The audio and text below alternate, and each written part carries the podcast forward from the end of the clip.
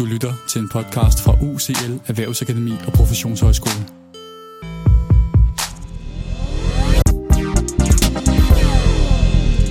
Velkommen til Shortpods, programmet der giver dig en pædagogisk relevant teori eller metode på cirka 5 minutter.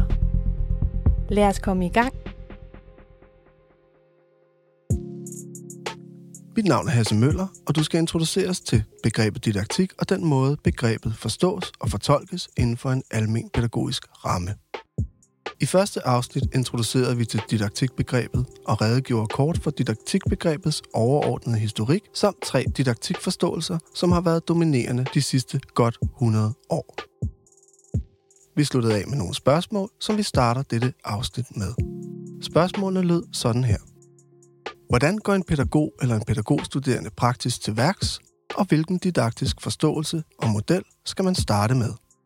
Svaret på de spørgsmål kommer via en lille omvej.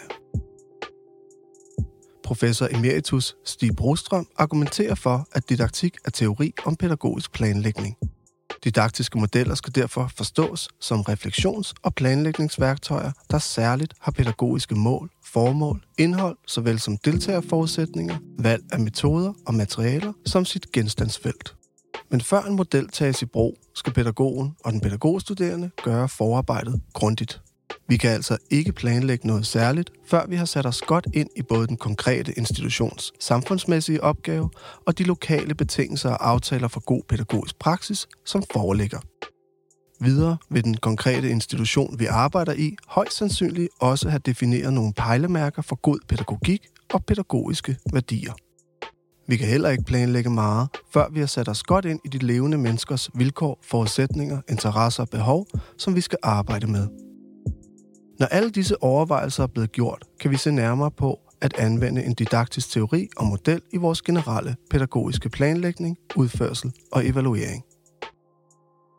Der, hvor didaktikken ofte starter, er i nogle grundspørgsmål til det, vi står overfor.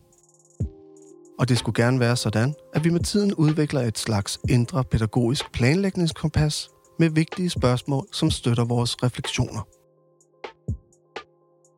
Hvis vi starter med det mest almindelige didaktiske spørgsmål, så vil det enten hedde, hvad skal vi lave, altså indholdskategorien, eller hvad skal børnene opnå, altså målkategorien.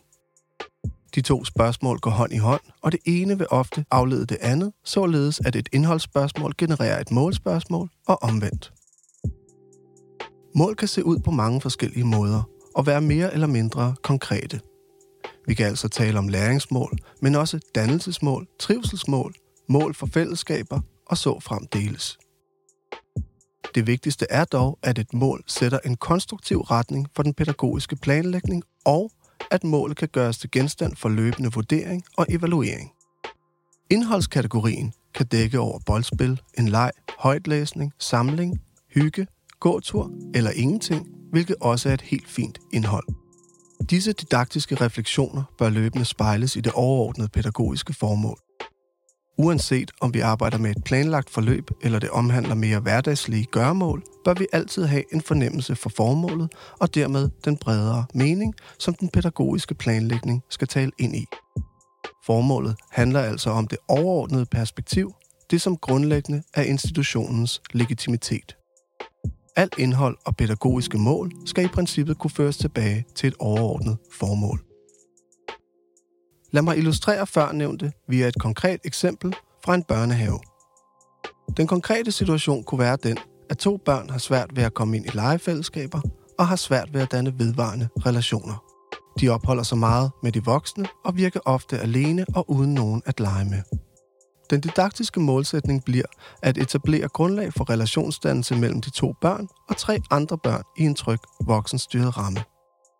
Denne målsætning flugter fint med dagtilbudets overordnede formål, som blandt andet sigter mod at fremme børns trivsel gennem trygge og pædagogiske læringsmiljøer. Det næste didaktiske spørgsmål herefter vil typisk være, hvad skal vi lave? Det er altså vores indholdskategori. Her kunne svaret være, at vi skal lave bål sammen og riste skumfiduser. Hverken mere eller mindre. Så nu har vi vores formål, mål og indhold på plads. Det næste spørgsmål bliver så, hvordan? Altså vores metodekategori. At lave bål og riste skumfiduser kan gøres på et hav af forskellige måder, som kan være mere eller mindre hensigtsmæssige i forhold til børnegruppen og den pædagogiske målsætning. En metodisk tilgang kunne være at placere pædagogen som tydelig voksen, som guider børnene gennem at finde brænde, tænde bål og lave skumfiduser. Herfra kunne fokus være på at starte en samtale med børnene, mens de spiser skumfiduser. Pædagogen kunne være særlig opmærksom på at få de forskellige børns erfaringer og tanker om bål frem, som de kan skabe noget fælles omkring, og derigennem komme til syne for hinanden. Dette er et tænkt eksempel, og andre didaktiske valg kunne selv sagt være en mulighed. Men vi mangler et par didaktiske kategorier, nemlig dem, som handler om evaluering og eventuel justering eller nye tiltag. I udgangspunktet fungerer de didaktiske kategorier såsom formål, mål, indhold og metode som fine kategorier at evaluere på. Her kan vi altså spørge, om målet virkede fornuftigt ud fra de erfaringer, vi netop har gjort os med børnegruppen, eller om noget skal ændres. Vi kan spørge til, hvorvidt den metodiske tilgang virkede efter hensigten i forhold til at understøtte målet, og om indholdet, altså bålaktiviteten, var et fornuftigt valg. At evaluere på disse kategorier er samtidig at genkalde sig tegn fra børnegruppen i forhold til aktiviteten. Hvordan havde børnene det med at samle pinde, tale om erfaringer med bålet, og hvordan interagerede de? Er der eksempelvis tegn på mulige relationsdannelser? Tegn er altså noget, vi er særlig opmærksomme på, og det er en god idé at se på tegn i relation til pædagogiske mål, indhold og metode. I mit eksempel trækker jeg på forskellige didaktiske kategorier, hvor flere af dem går på tværs af didaktiske modeller. Formål, mål og indhold kan siges at være kategorier i de fleste didaktiske modeller. Metodekategorien findes også i de fleste, dog med lidt forskellige navne. Og nu til svarene på de indledende spørgsmål. Hvordan går en pædagog eller pædagogstuderende praktisk til værks? Det gør de ved at gå i gang med at stille didaktiske spørgsmål i tide og utide, og ved at skrive overvejelserne ned i en logbog og dele overvejelserne med en kollega. Og på det andet spørgsmål, hvilken didaktisk forståelse og model skal man starte med? Prøv minimum to forskellige og se, hvordan kategorierne fungerer i samspil. Didaktik handler om at stille gode spørgsmål og forstå, hvordan disse spørgsmål hænger sammen og påvirker hinanden. Målkategorien influerer på metodevalg, indholdskategorien influerer på målkategorien, målgruppen influerer på det hele, og så fremdeles. Og så skal du huske, at ikke alting skal planlægges. Hermed slut på anden og sidste del af en introduktion til didaktikbegrebet.